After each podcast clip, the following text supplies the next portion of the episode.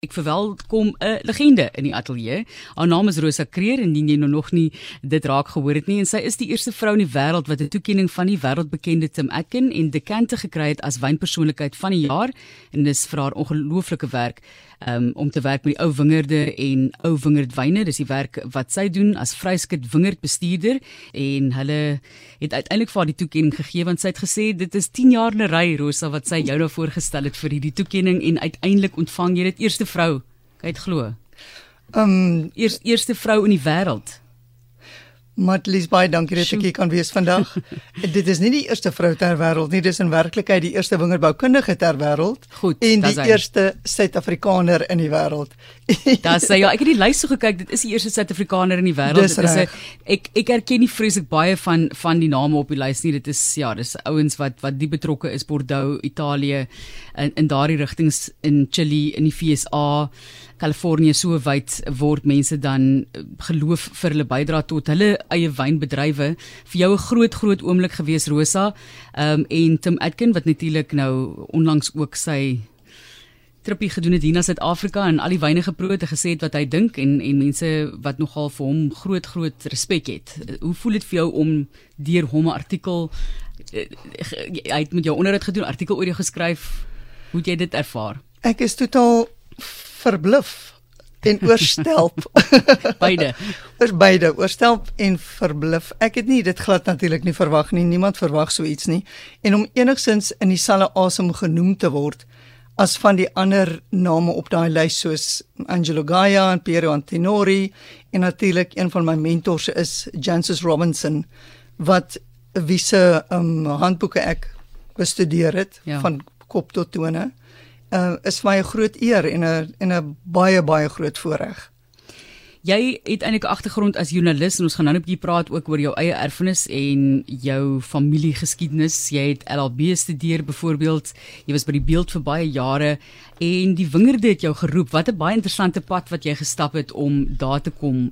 Hoekom het jy besluit om jou rug te keer op journalistiek en op die regte en te besluit jy wil kyk na die na die wingerde?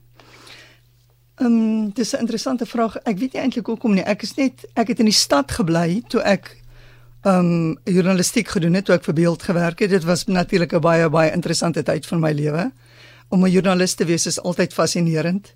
Ehm um, daarna het ek 'n regsgraad gedoen want baie van my familie soos Melissa en Mike en Stefan, hulle is almal uh, regsgeleerdes en my my man was ook 'n regsgeleerde en die regte is vir my uh, het my no- in 'n mate betower want dit is so 'n uh, duidelike fe- so duidelike 'n uh, boodskap wat 'n mens daai kry. Maar toe het ek my seentjie gekry, Roan, vir wie ek natuurlik baie lief is en ek het eendag van die werk af gery as 'n uh, as as 'n um, um, kandidaat prokureur. En om die draai gekom en hy wag toe op my by die skool al vir baie lank. En ek het my smart my mooi karretjie daar gery en met my mooi um swart klere en my wakskoene en daar het hy gesit op die en ek het net gedink dis nie regverdig nie. Ek kan nie 'n kind in die stad grootmaak nie want ek het nie in die stad groot geword nie ek's baie lief vir die platteland. En ek het besluit om te begin om die in die platteland te te, te gaan bly en te begin boer soos die ander deel van my familie.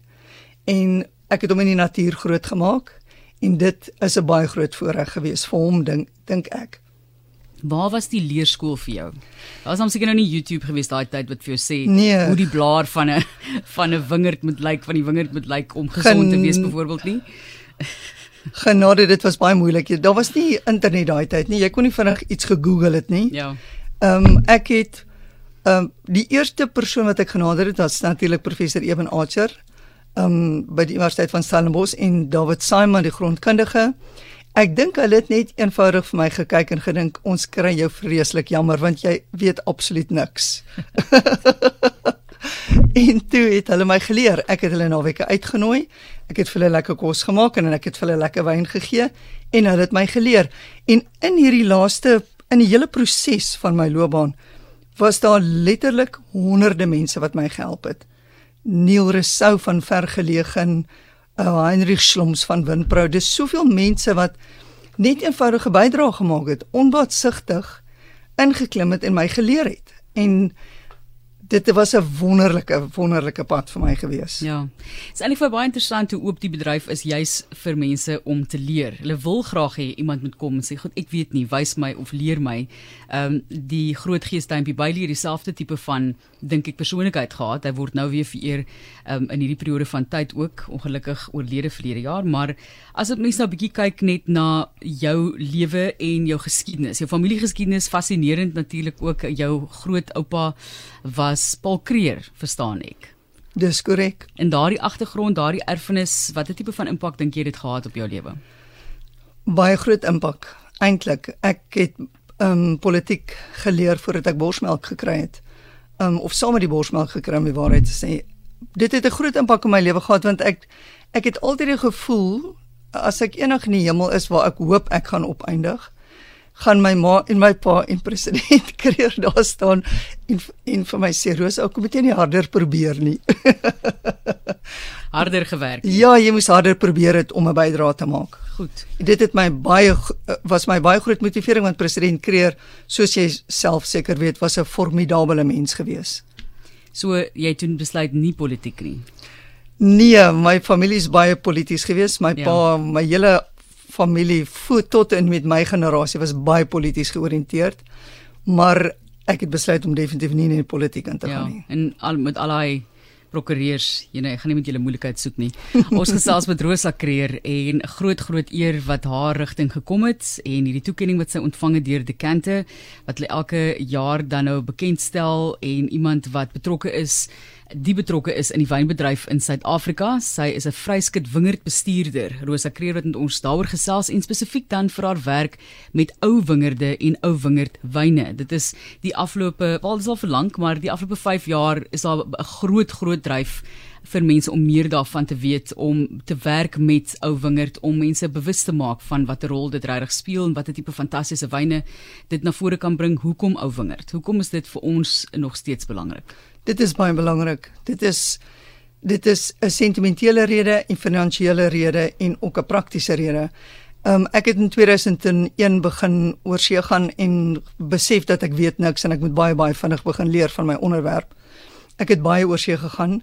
Ek het um in baie lande uh deur wingerde geloop. Um en agtergekom veral in Frankryk en in in Duitsland en in Spanje in baie van die oorsese lande is daar natuurlik baie wingerde wat baie ouer is as ons wingerde.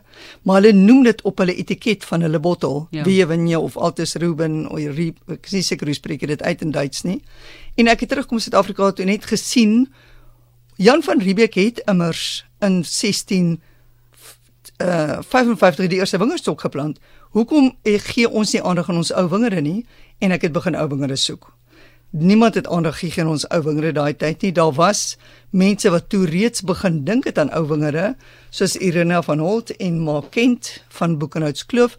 Uh maar niemand het dit op hulle etiket genoem nie. Toe het ons begin ou wingerde soek. Ek het die eerste wingerde wat ek in daai in die projek om so soort genaam ontdek het, was teen Weskus op en baie keer op die mees afgeleë, mees romantiese, wonderlike plekke waar daar net fynbos is en veld en blomme en ver afgeleë en ons het daarvan begin wyn maak. Die eerste wyne was gemaak by Lormera van Johan Rupert as ook natuurlik deur Ewen Sadi onder die uh, en spesifiek die Skurfbergwyn wat ons laat proe in Londen in 2012 en die mense wat by die proef was, dit was in Londen vir die Institute of Masters of Wine wat Cathy van Sail ons eerste enigste uh, wynmeester op daai stadium geproe het saam met klomp van die mees uitgeleese wynproers en kritici ter wêreld en hulle was verstom oor die kwaliteit. So totaal verstom en ek het teruggekom en ons het harder begin werk en harder begin werk om hierdie ou wingerde op te spoor. En natuurlik Ek en Andre Morgenthal, die die huidige bestuurder van die Ou Wingerd projek het saamgewerk toe al. En in 2016 het ons ehm um, fondse gekry om die projek amptelik te begin en toe van toe af is dit 'n baie meer geformaliseerde amptelike projek wat internasionaal begin ehm um, uh, roem verwerf het. Ja. Wat is die groot uitdaging met Ou Wingerde om met hulle te werk en hulle suksesvol te maak? Ehm um, die versorging daarvan. Dit is ook een van die hoofmotiverings van die ou wingerdprojek en een van ons drome is om meer opleiding te gee vir wingerdwerkers in Suid-Afrika.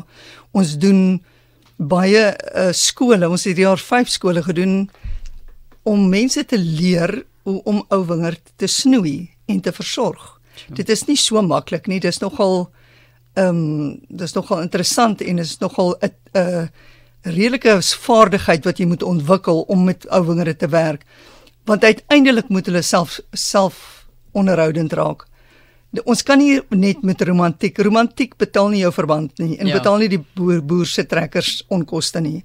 Dit moet lewensvatbare uh, ding wees en dit is hoekom um, ons so baie opleiding probeer doen. Maar opleiding is een van die grootste um faktore.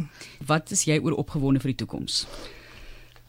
Ek dink om opleiding te doen. Ek dink daar's 'n baie baie groot geleentheid in Suid-Afrika om mense te help. Opheffing te doen. Ja. Ja, om daar's daar's daar duisende wingerdwerkers daar buite. Daar's nie meer die die die skole vir opleiding het mettertyd vervaag en verval. En ek dink daar's 'n baie groot geleentheid om mense net mee te leer om hulle bietjie meer um vaardigheid te gee en ook meer waardigheid te gee in die proses. Ja. En ek sien baie daarna uit. Dit is vir my die die wonderlikste en die lekkerste ondervinding om in die oggende vroeg op te staan en my kar te klim en wingerd toe te ry en saam met die mense te werk en hulle te leer.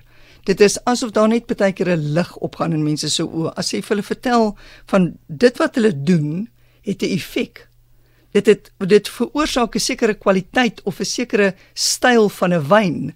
So dit is dis wonderlik om 'n daai bydrae te kan maak om mense se lewens te kan verryk in daai opsig. Maar ek dink ehm um, dit is en natuurlik ook om wingerdbou ehm um, praktyke toe te pas wat meer lewensvatbare wingerde ehm um, tot gevolg sal hê in Suid-Afrika. Ja. En 'n rose kreer wat emosioneel raak wanneer jy praat van opheffing van mense.